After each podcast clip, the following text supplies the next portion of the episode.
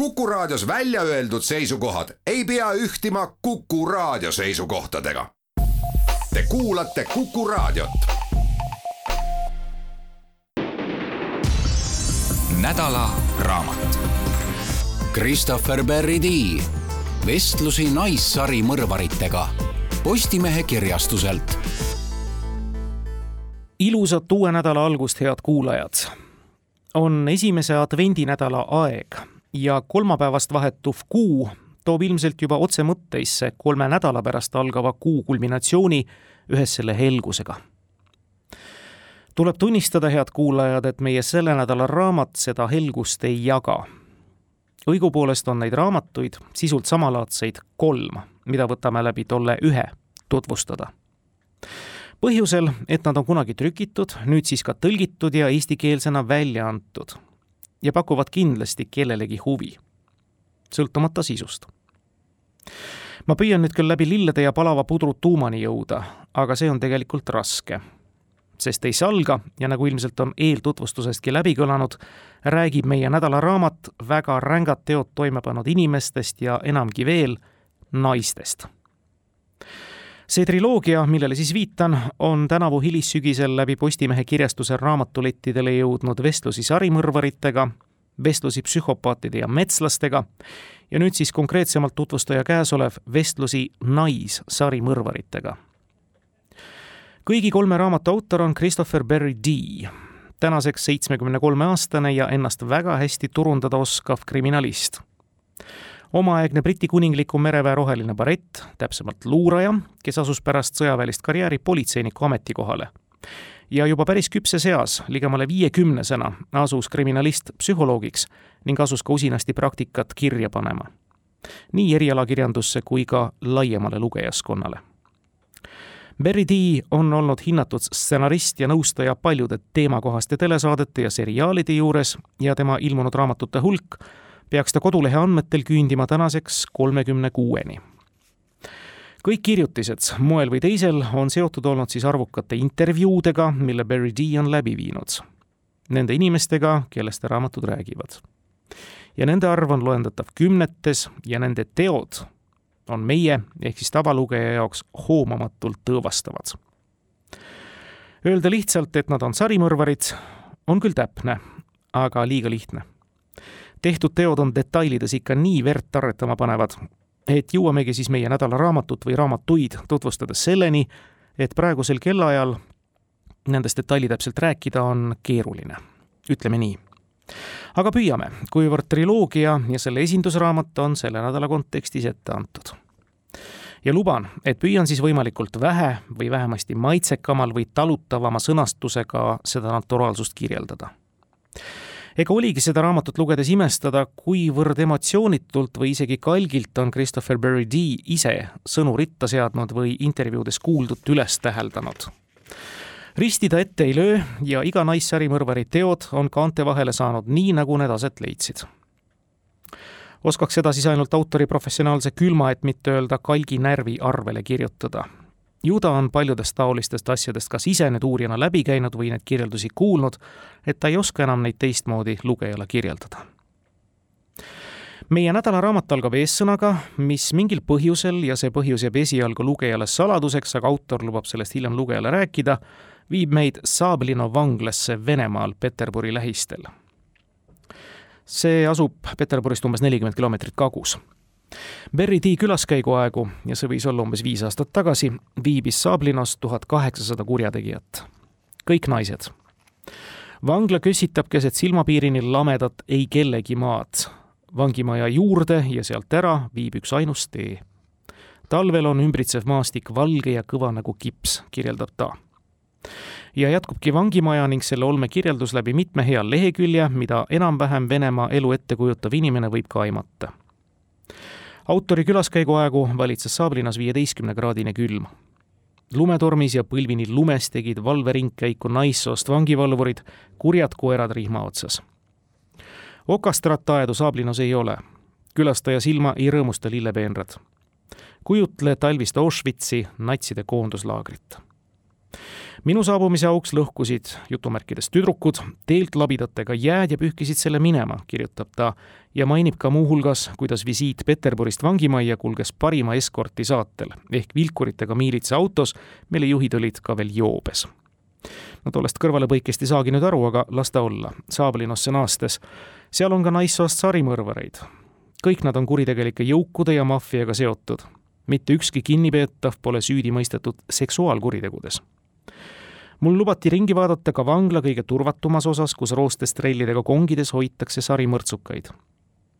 seal jagasin vangidele Marlboro sigarette ja vestlesin tapjatega, kes olid osa võtnud relvastatud röövidest, mille käigus oli maha lastud mitu inimest, või hukanud inimesi jõukude koosseisus.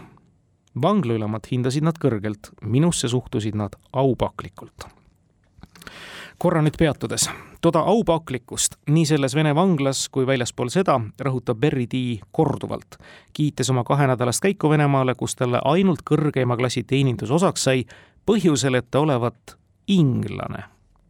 nojah, huvitav. aga jätkame. vanglas on hästi varustatud raamatukogu ja väike kabel, kuhu üks vang mind viis. seal palus ta Jumalat, et too viiks ta peagi taas kord kokku lastega nägin ka suurt saali, kus anti minu auks kontsert. vangide kasinad sissetulekut kärbiti veelgi, et mina saaksin ringi käia ja suhelda ning naised saaksid mind küllatuleku eest tänada. olin esimene läänlane Venemaa naistevanglas ja pealegi lubati mul kõike filmida. minu teada pole sinna pärast mind lubatud ühtegi lääneriikide kodanikku, jätkab ta edasi, kas nüüd tolle kuningliku vastuvõtu tõttu või millegi muu pärast võtab autor rääkida Saablinast tegelikult kiitvas võtmes. näiteks naistest, kes enne vangimajja tulekut olid suisa kirjaoskamatud, aga nüüd rääkisid temaga küll vigases, aga siiski inglise keeles. aga Kolka vangla ja Venemaa tegelik külalislahkus seisnes hoopis asjaolus, et autori reisi Saablinasse korraldanud Londoni produktsioonifirma vist tundis väga hästi kultuuriruumi ja andis autorile kaasa šoti viskit või küpsiseid militsionääride naistele ja mis põhiline, hunnik rabisevaid USA dollareid, mille nad said mustal turul rubladeks vahetada. vangla ülem küll ei nõudnud koostöö eest vastutasuks ainsatki dollarit, aga tuhat Berry D talle enda sõnul siiski raamatu alla peitis. naine leidis selle üles, helistas mulle kohe ja sõnas spassiba, spassiba. Venemaal hakatakse sind nüüd Kristovskiks kutsuma, jumal õnnistagu sind. selline sissejuhatus siis. miks küll nagu autor lubab, see selgub mõnevõrra hiljem aga nüüd päris raamatu sissejuhatuses on Christopher Berry Lee niisiis ka päriselt võtnud tutvustada, miks ta on koletuid tegusid teinud naistega nendel teemadel võtnud vestelda ja nendest kirjutada. alustuseks võtab ta lugeja maha rahustada ammugi ribadeks kulunud klišeedest, saatanlikest naistest või femme fataalidest ja sellest, nagu oleksid naised üldse oluliselt õelam sugu, kui seda on mehed. ei sarimõrvarite statistika seda osa kuidagi ei kinnita. naisi on sarimõrvarite hulgas tõepoolest imevähe ja need imevähesed muide loendab Berry D ka riigiti ja regiooniti üles. esialgu lühidalt sellest nimekirjast ei puudu ka kurikuulsamad kaasaegsed nagu seitse ohvrit tapnud Aileen Wuornos või mustlesk Judy Buenoano, minevikust aga Amelia Dwyer või kaheksateistkümnendal sajandil elanud vene aadlisoost Darja Saltõkova, kelle ohvrite arv võis küündida kuni saja kolmekümne kaheksani. kui see viimane number paika peab, oleks ta kindlasti arvukaimate ohvritega sarimõrvar üldse, läbi aegade, ka meeste hulgas autor toob esile ka paljude nimede puhul lühidalt, kuidas need mõrvarid oma ohvreid surmasid ja ka selle, kuidas ta mõnedega neist on lähemalt suhtlema sattunud ta ei eita sedagi, et ta on saanud oma sarimõrvaritest kirjasõpradelt abielu ettepanekuidki. ja siis annab ka teada põhjuse, miks ta, olles juba paljusid mehi, sarimõrvareid ja psühhopaate portreteerinud autorina, nüüd siis eraldi naistest mõrvaritele tähelepanu pöörama hakkas. pragmaatilistel põhjustel. kirjastaja tegi lihtsalt vastava ettepaneku aga siis ka kohe mõttefaasis ja hiljem praktikas, kuidas ta takistusega põrkus või takistustega, oleks isegi õigem öelda see järgnev on nüüd küll misoküünne lähenemine, ehkki Beridi püüab sellest loobuda või sellest hoiduda. esiteks takistus mõistatada, miks naised on ühte või teist asja mõrvates teinud. ja siinkohal nüüd ühe konkreetse autori kirjeldatud detaili ühe vene naissõrimõrvari teo puhul jätan nimetamata. aga teine takistus, nagu Beridi selle ise ära märgib, oli, tsiteerin, et naised teevad edukalt mitut asja korraga kuid mehed, eriti mina, seda enamasti ei suuda. Teaduslikke tõendeid, mis väidet toetaksid, kuigi palju muidugi ei ole. lisaksin siinkohal siiski, et meessoost sarimõrvarite mõttemaailma tungida on lihtne, kuna meestega on mul kergem suhestuda kui naistega. meie, mehed, suudame mõelda või teha korraga vaid ühte asja. seetõttu mõistan hästi nende isehakanud alfaisaste mentaliteeti. naiste mõttemaailm on hoopis teistsugune paneme siinkohal punkti ja homme jätkame. head kuulajad, jätkates meie nädalaraamatu mitte kõige kergema sisuga lugemist, tuleb tõdeda ka muuhulgas, et lisaks kõigele sisulisele, mida autor Christopher Berry Dee käsitleb üsna naturaalselt ja halastuseta, on seal ka palju keerdkäike, mõtisklusi, jahvatusi, hüppeid sinna ja tänna ning autori isiklikku arvamust.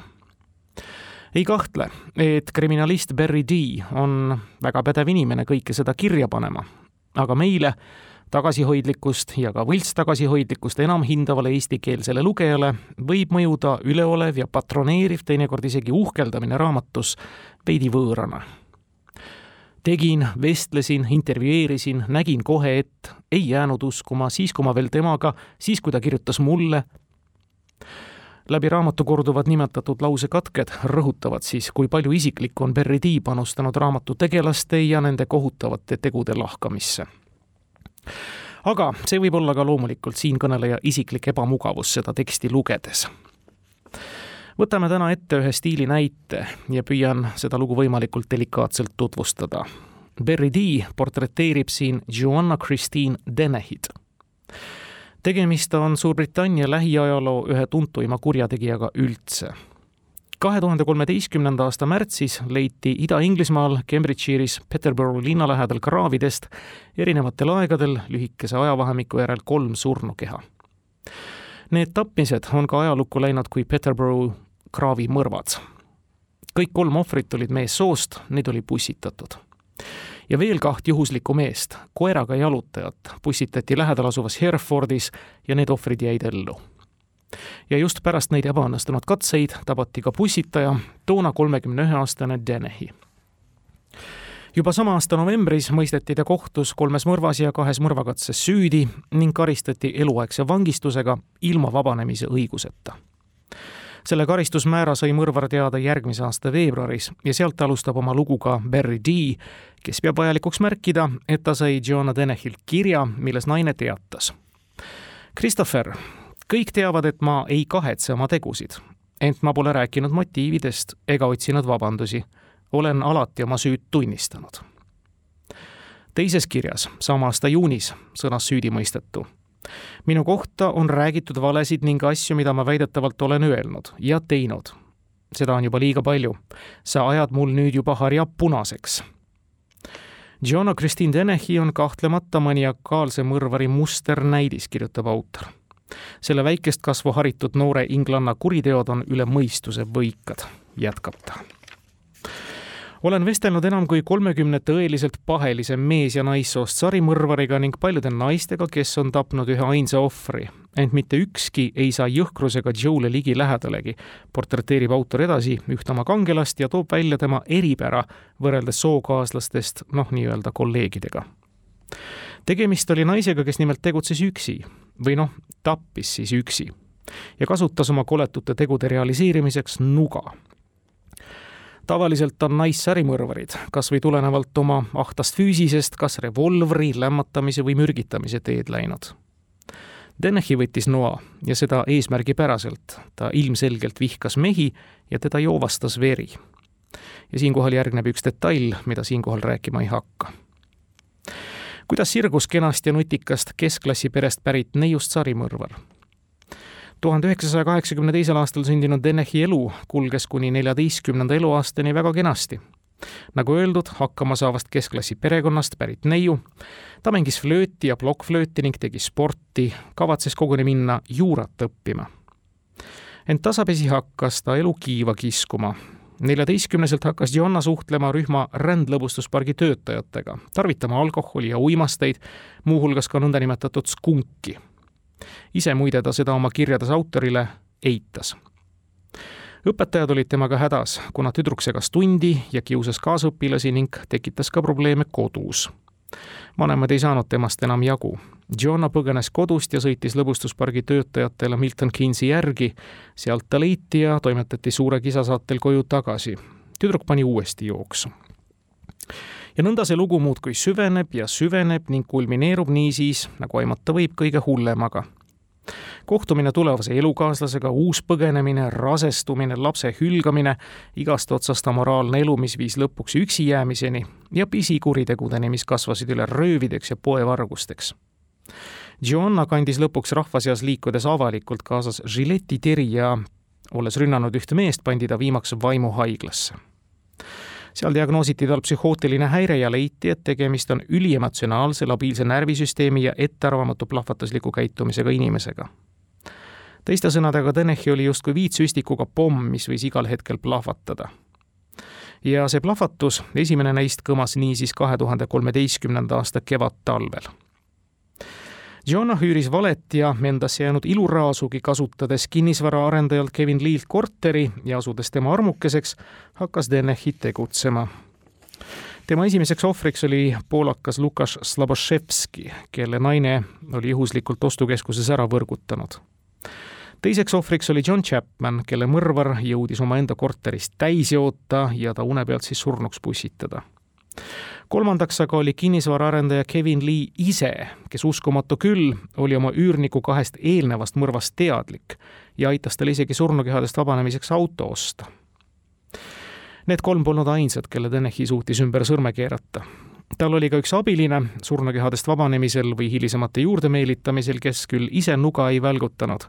kahesaja kahekümne sentimeetri pikkune ja saja neljakümne kuue kilone retsidivistist pisivaras, küll lihtsameelne ja rumal inimene, kelle nimi oli Gary Stretch.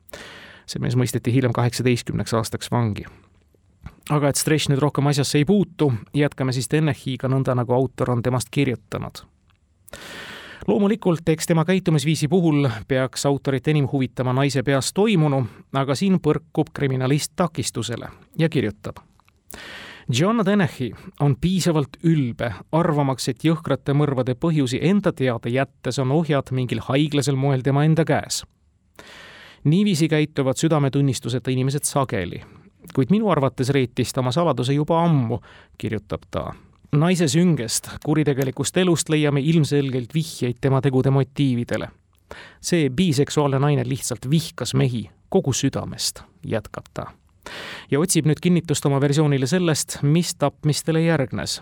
surnukehast vabanemise viisile, käitumisele pärast seda ja nõnda edasi autor ei halasta ka tapja välja toodud justkui õilsatele väidetele, et ta ei teeks iial liiga naistele ja iseäranis lastega naistele ja kirjutab selle kinnituseks, et vanglas paigutati ohtlik kurjategija üksikvangistusse, sest ähvardas tappa oma lesbist kaasvangi, kellel oli väljaspool vanglamüüre ka kallim, ja vähe sellest, ka oma naissoost vangivalvurit.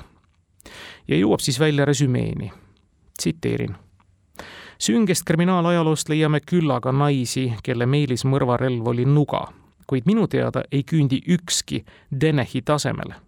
ja see juba tähendab midagi olen vestelnud paljude üheainsa ohvri mõrvanud naistapjatega ja koguni kurikuulsa USA sarimõrvari Eileen Carroll Warrensi ehk Lee'ga. mitte ükski neist ei saa ligilähedalegi koletisele, kes elab endiselt Joanna Denehis. olen kindel, et see naine tapab taas. Tsitaadi lõpp. head kuulajad, jätkates portreelugudega maailma kurikuulsamatest naissarimõrvaritest ei saa me üle ega ümber ühe kurikuulsaimaga neist, kes lähiajaloos on toimetanud. ameeriklane Eileen Carroll Warnes, kelle elust ja tegemistest valmis kahe tuhande kolmandal aastal Hollywoodis ka menukas film Monster ehk Koletis. Warnesi nimi käib meie nädalaraamatust ka veel enne omanimelist peatükki mitut puhku läbi ja eeskätt võrdlusmaterjalina, kui nii sobib öelda nädalaraamatu autor Christoph Berry D näib ka kõige enam just seda sarimõrvarit tundvat. ta oli naisega pikalt kirjavahetuses, kohtus temaga Florida vanglas mitut puhku ja kõige lõpuks kirjutas ka temast eraldi raamatu, millest siis omakorda valmis ka mainitud film, kus pahelist naist kehastas Charlize Theron. Theron muide pälvis selle etteaste eest ka parimale naisosatäitjale mõeldud Oscari. ütlesin Warnossi kohta paheline, mida ta kindlasti ka oli aga selle üle võib vaielda, kas tegemist oli nüüd kõige jõhkrama lähiajaloo mõrtsukaga või mitte. seda väidab kord autor ise ja samas seab selle väite ka kahtluse alla. Aileen Wuornosi elulugu on selline, julgeks öelda, klassikaline väga nukker lugu ja tahaks kohe lisada selline klassikaline nukker Ameerika lugu, aga ei julge väita, et ainult sealses kultuuriruumis taoliselt asjad juhtuda võivad tuhande üheksasaja viiekümne kuuendal aastal sündinud naise elus läks kõik algusest peale juba väga halvasti. tal juhtisid olema väga noored ja juba kriminogeensed vanemad, kelledest oma isa Aileen ei näinudki, sest see istus vangis ja kelledest ema jättis ta kuuekuiselt maha. Aileen koos vennaga jäi oma vanavanemate kasvatada, kusjuures teadmisega pikaks ajaks, et need ongi tema päris vanemad väga range, et mitte öelda vägivaldne kasvatus, kust ei puudunud ka seksuaalne väärkohtlemine, viis kõik välja selleni, et Aileen oli juba üheteistkümneaastaselt väljakannatamatu tüdruk. neljateistaastaselt ta rasestus, see laps läks tal lapsendamisele ja pöidlaküüdiga põgenes ta pärast seda mööda maad ringi rändama elatist teenis ta peamiselt prostituudina ja siin-seal üle kogu riigi saatis korda ka aeg-ajalt midagi sellist, mille eest karistust kandma pidi kas ta siis varastas või vägivallatses purjus peaga kuskil baaris. autor möönabki, et midagi muud märkimisväärset Lee teadaolevalt korda ei saatnud kuni tuhande üheksasaja kaheksakümne kuuenda aastani, kui ta jõudis Floridasse, Daytona Beachi linna. Naine oli sõitnud pöidlaküüdiga mööda Interstate üheksakümmend viis kiirteed lõunasse ja jõudnud enda meelest maapealsesse paradiisi. päikesepaiste, töökohad ja odav elu Lee oli Daytona Beachis omas elemendis seks, meri, jõukus ja heitgaasid, Ameerika unelm, valge rannaliiv, baarid ja ojadena voolav alkohol. ühes lesbibaaris kohtuski ta kahekümne nelja aastase Tyria Jolene Moore'i ehk Taiga. tsitaadi lõpp. Sellest Taist sai tema kaaslane kogu järgnevaks eluks kuni kinnivõtmiseni. ja tüdruksõbra tunnistused aitasid muide hiljem lõplikult ka Warnosi süüdimõistmise kinnistada naise mõrvaseeria algas tuhande üheksasaja kaheksakümne üheksanda aasta novembris ja jõudis väldata enam-vähem täpselt aasta. Warnos kasutas taparelvana high-standardi kahe ja ühetoimelist üheksalasulist kahekümne kahe millimeetrise kaliibriga revolvrit. See tore pisike püstol tulistas vaskmantliga pikki või lühikesi neljakümnekraaniseid kuule, tõenäoliselt Blazeri omi, mida müüakse igas Walmarti kaupluses, peab autor vajalikuks märkida ja lisada, et viissada padrunit saab kätte umbes viieteistkümne dollariga naine hoidis püstolit õla või käekotis. säärase relvaga saab kenasti vaid märki lasta ja ohvreid lähedalt tappa, aga väikesed kuulid tegid kahtlemata seda, mida Lee soovis, augud lähedalt tulistatud ohvri kehasse. tsitaatide lõpp. Naise esimeseks ohvriks kokku seitsmest oli Richard Mallory, võib-olla ainus, kes vähegi kaastundliku lugeja arvates seda võis ka väärida, sest püüdis pöidlaküüdiga reisivat Ailiini vägistada. muide, tegemist oligi varasemalt süüdi mõistetud mehega vägistamises. ülejäänud kuus ohvrit, kui lugeda nädalaraamatut, olid aga kõik kas keskealised või veidi üle selle mehed, kes ühel hetkel hakkasid lihtsalt kadunuks jääma. Pärast seda, kui neil oli vajadus tekkinud ette võtta kas töö või eraeluline reis osariigi piires või väljaspoole seda ja nad kõik leiti aegamisi ka üles, surnutena ja väga koledasti lagunenuna. Florida kliima ikkagi. ja enamasti ka oma autodest suhteliselt kaugel ja eks see kõik võis viia uurijad mõttele, et ilmselt olid kadunukeste surmas märgilise tähtsusega need arvukad Florida kiirteed ja nende ristmikud, kus nende elu lõpetati ja nende maise vara ehk autoga edasi sõideti. ja muide, enamasti lõpetasid ka need autod ennast silmini purju joonud Warnossi või tema kaaslase poolt sodiks sõidetuna. kõigist seitsmest ohvrist alustades Mallorist ja lõpetades muide missionäri tööd tegeva ja värskelt kihlatud kuuekümneaastase Walter Gino Antonioga, on autor lühemalt kirjutanud nende õnnetust lõpust, kuidas nad kadunuks jäid ja kust leiti. Ja miks ma seda viimast ohvrit eraldi mainin, sarimõrvar asetas ka tema ühte patta oma teiste ohvritega, kui ta vähegi vaevus oma mõrvade motiive selgitama. ja see oli tema silmis lihtne kõik mõrvatud teenisid oma lõpu ära tema silmis sellega, et olid räpased vastikud kiimakotid, kes soovisid tee ääres küüti soovinud naiselt sisuliselt tasuta seksi saada. ja ka see viimane ohver, kihlatud misjonär kogu lugu. Aileen Wuornos tabati tuhande üheksasaja üheksakümne esimese aasta esimestel päevadel ja seda pärast pikka ning põhjalikku detektiivitööd. ja muidugi hakkasid pärast vahistamist tema vastu huvi tundma nii erialainimesed, pean siin silmas kriminaliste ja uurijaid, kui ka psühhiaatrid ja psühholoogid ja loomulikult ka ajakirjanikud.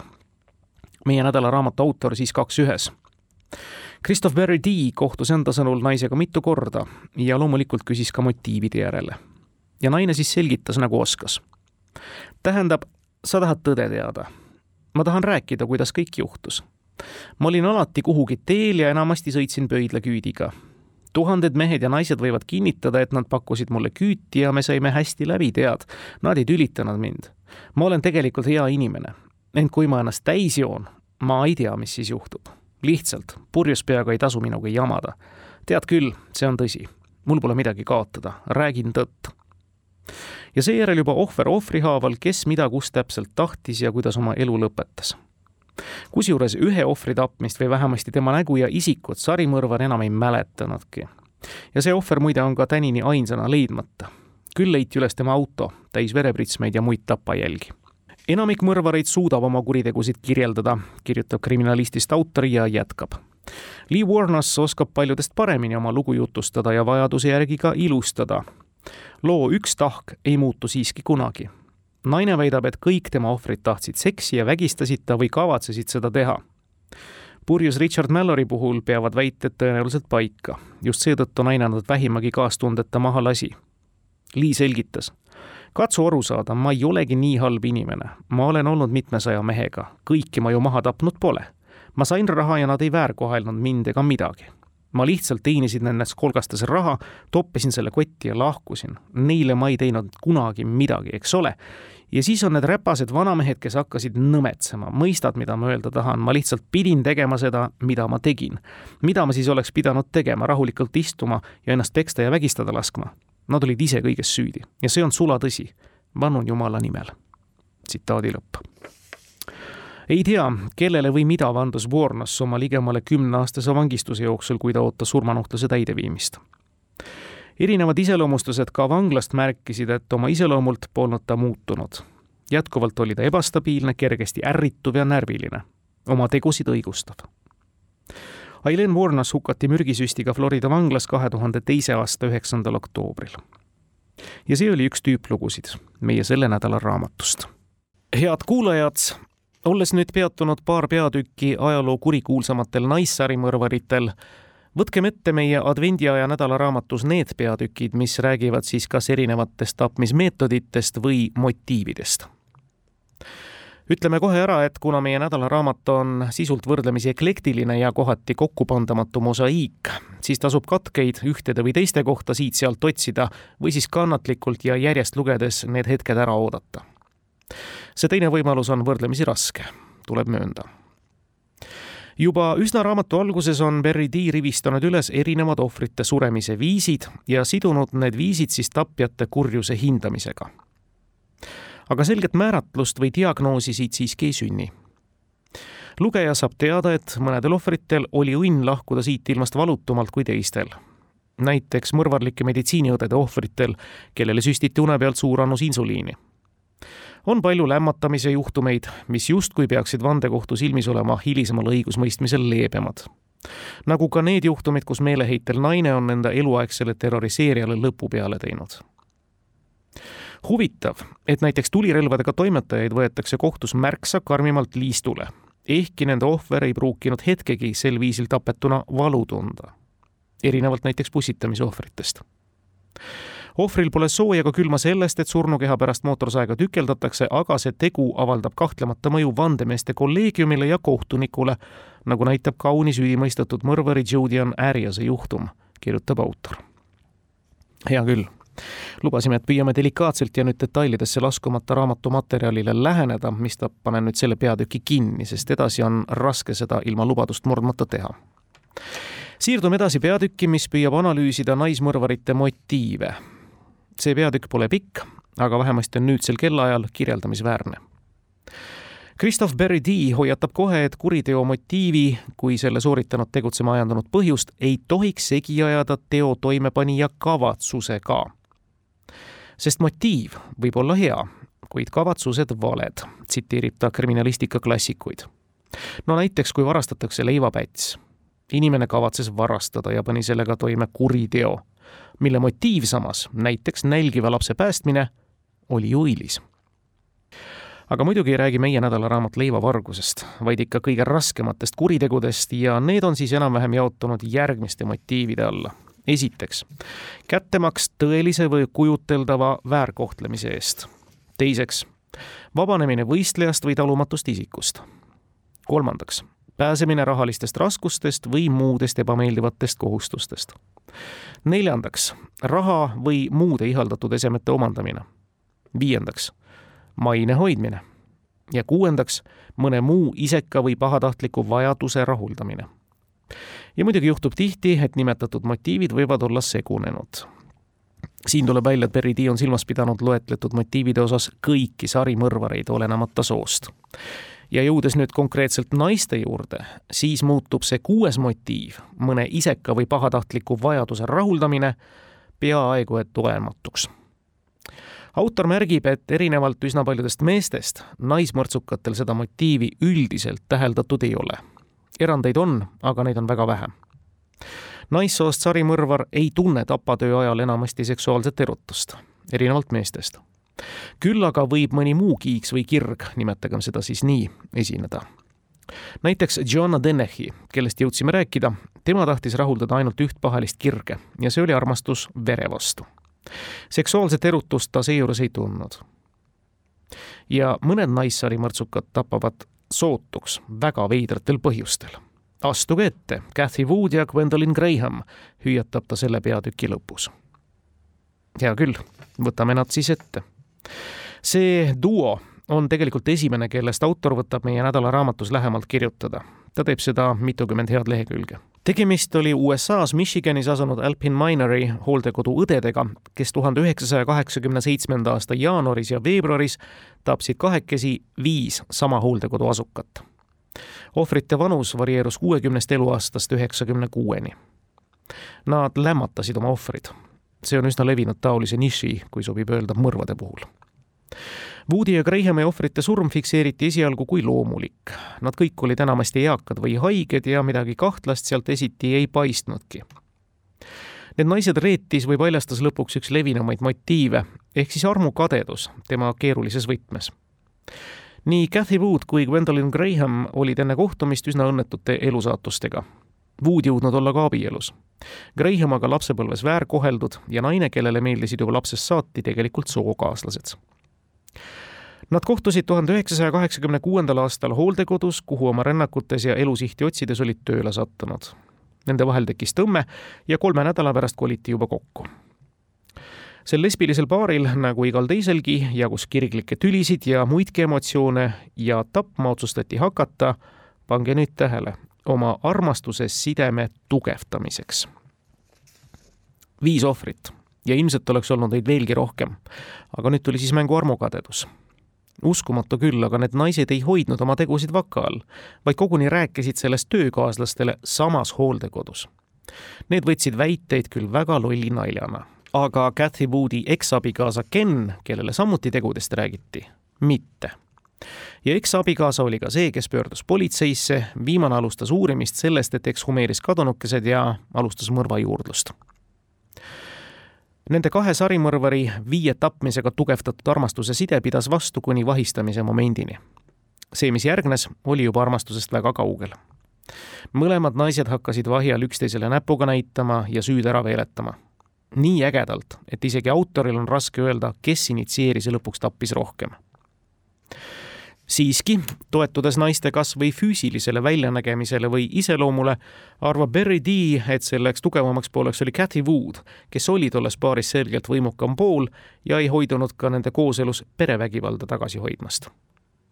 hiljem oli ta ka oma selgitustes selle võrra meeleheitlikum ja ägedam partnerile süüd veeretama ja ilmselt tegi ta seda veenvalt, sest kohus määras talle karistuseks kakskümmend kuni nelikümmend aastat vangistust ehk siis mingit armuandmisvõimalust sellal, kui Gwendolyn Graham sai eluaegse vangistuse ilma vabanemise võimaluseta.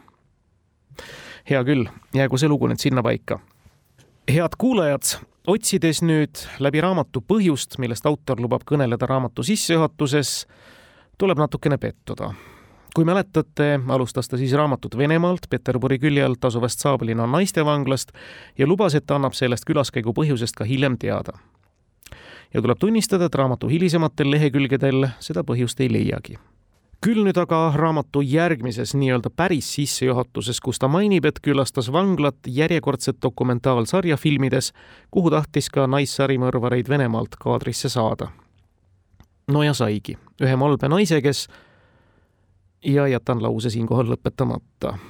ja jätan ka selle osa, kus autor kirjeldab üllatus-üllatus, aga tegelikult ei peaks rahvaarvu silmas pidades see üllatus olema, India naissarimõrvarite Seema Gaviti ja Renuke Shinde jälke tegemisi. lugedes küll raskustega enam-vähem kõik sellest raamatust läbi, võiks kirjelduste järgi just nende kahe India naise motiivid ja tegutsemisviisi aegade kõige vastikumaks ja jõhkramaks lugeda homme, head kuulajad, teeme ka lühiülevaate ka kahest teisest raamatust, mis meie selle nädala raamatuga pundis on tänavu hilissügisel Postimehe kirjastuse abil trükivalgust triloogiana näinud head kuulajad, nagu oleme jõudnud korduvalt nädala jooksul märkida, on meie nädalaraamat üks kolmest, ühest omalaadsest triloogiast, mis tänavu hilissügisel Postimehe kirjastuse läbi eestikeelsena trükivalgust nägi.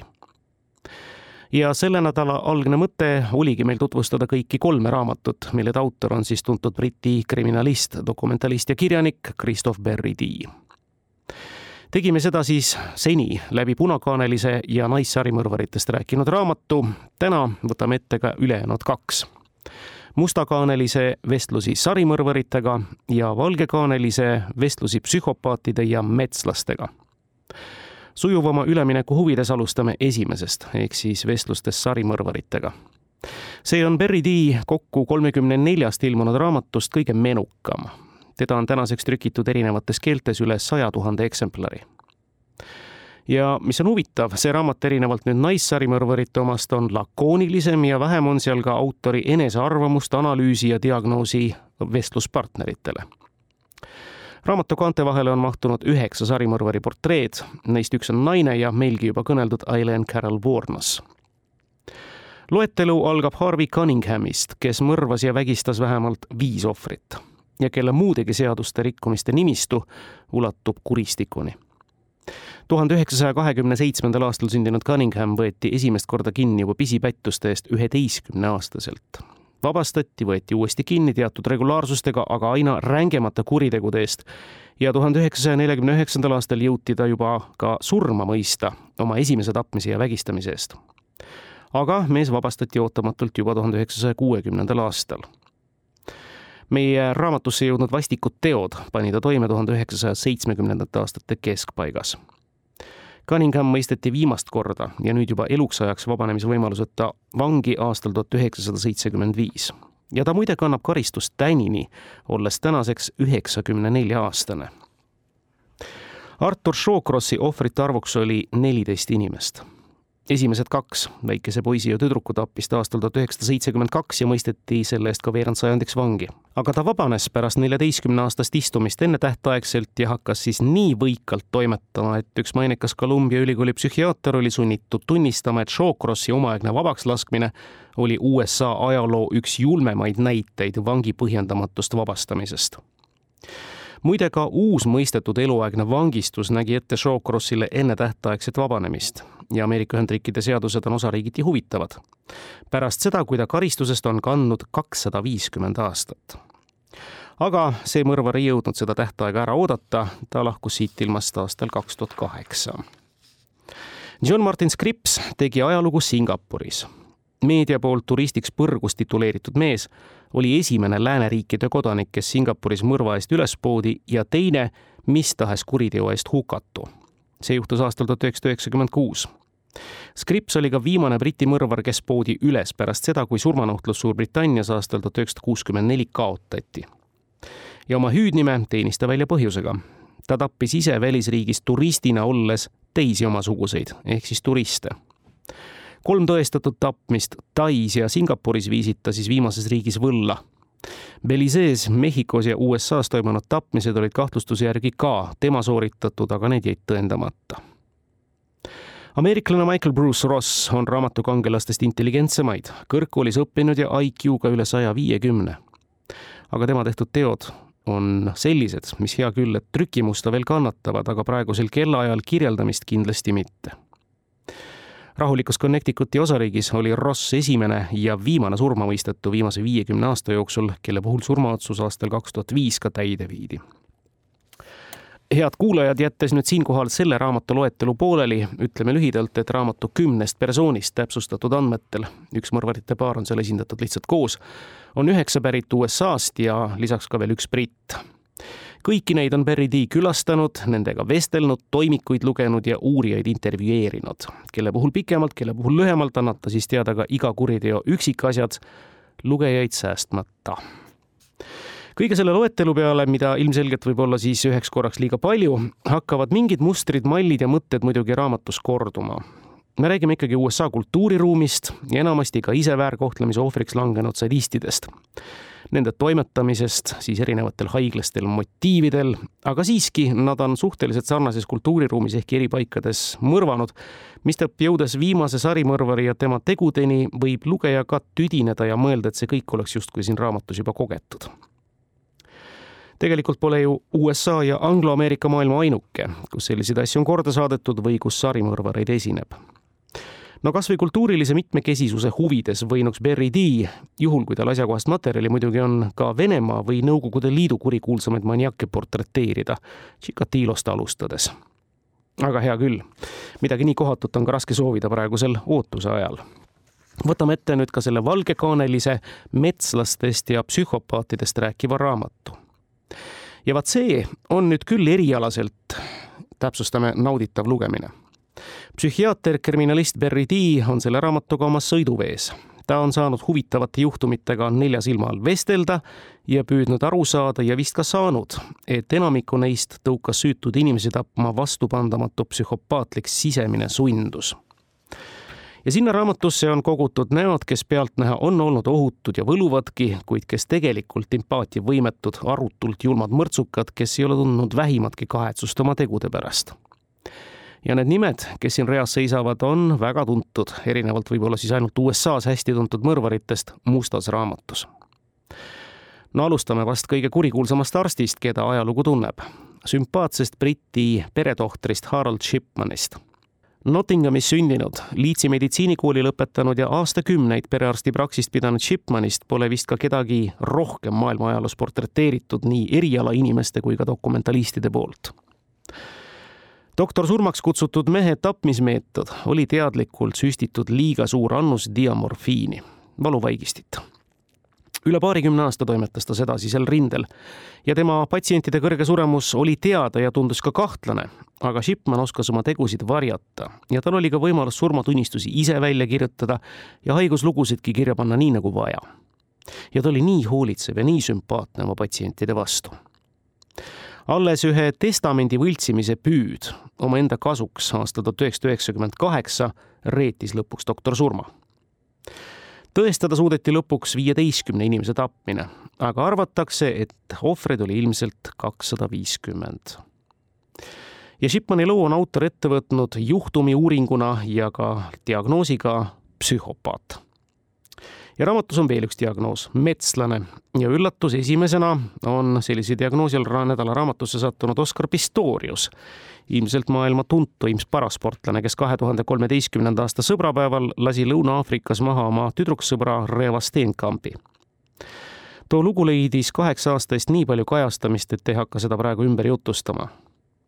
otseülekandes kajastatud Pistoriuse kohtuprotsess oli selle noore naise elu võtnud loo kõige farsilikum osa viis aastat vangistust, mille määras esimese astme kohus ja mis lubas Pistoriusel ka eeluurimise ajal kinnimajast pääsedagi, vaadati ülemkohtu poolt üle ja see talutas endise parasportlase trellide taha tagasi. viisteist aastat on tema karistus ja võimaluse vabaneda ennetähtaegselt avaneb talle paari aasta pärast. Christoph D annab omapoolse professionaalse nägemuse sellest, mis Pistoriuse tapatööni viis. tsiteerin episoodilise impulsiivse käitumishäirega inimesel avalduvad sümptomid, mida sagemini kohtame nõndanimetatud maanteeraevuga, no meil tuntud ka kui liiklusraev, seotud juhtumites. Ärrituse tõttu vallandub kehas adrenaliini ja energiatulv, mõtted kihutavad peas ringi, mõnikord tekib kihelus, värinad, südame pekslemine ja pitsituse tunne rinnus tagajärjeks võivad olla vihasööstud, sõnavalingud, tulised vaidlused, röökimine, kõrvakiilud, tõuklemine, löömingud, vara kahjustamine, inimeste ähvardamine, ründamine või koguni tapmine. Oscar Pistoriuse viis punane vihaudu mõrvani. tsitaadi lõpp. ja metslased ning psühhopaadid on nad selles raamatus kõik, kes sinna kaante vahele autori valikul tee leidnud. teistkordselt muide ka intelligendist sarimõrvar Michael Bruce Ross ja lõpetame nüüd, head kuulajad, siinkohal ei saa salata ajastule vastavalt vastuolulise triloogia tutvustamise. ühes teadmisega, et maailmakuulus kriminalist on nüüd ka oma raamatutega Eesti lugejatele olemas. nädala raamat. Christopher Berry vestlusi naissari mõrvaritega Postimehe kirjastuselt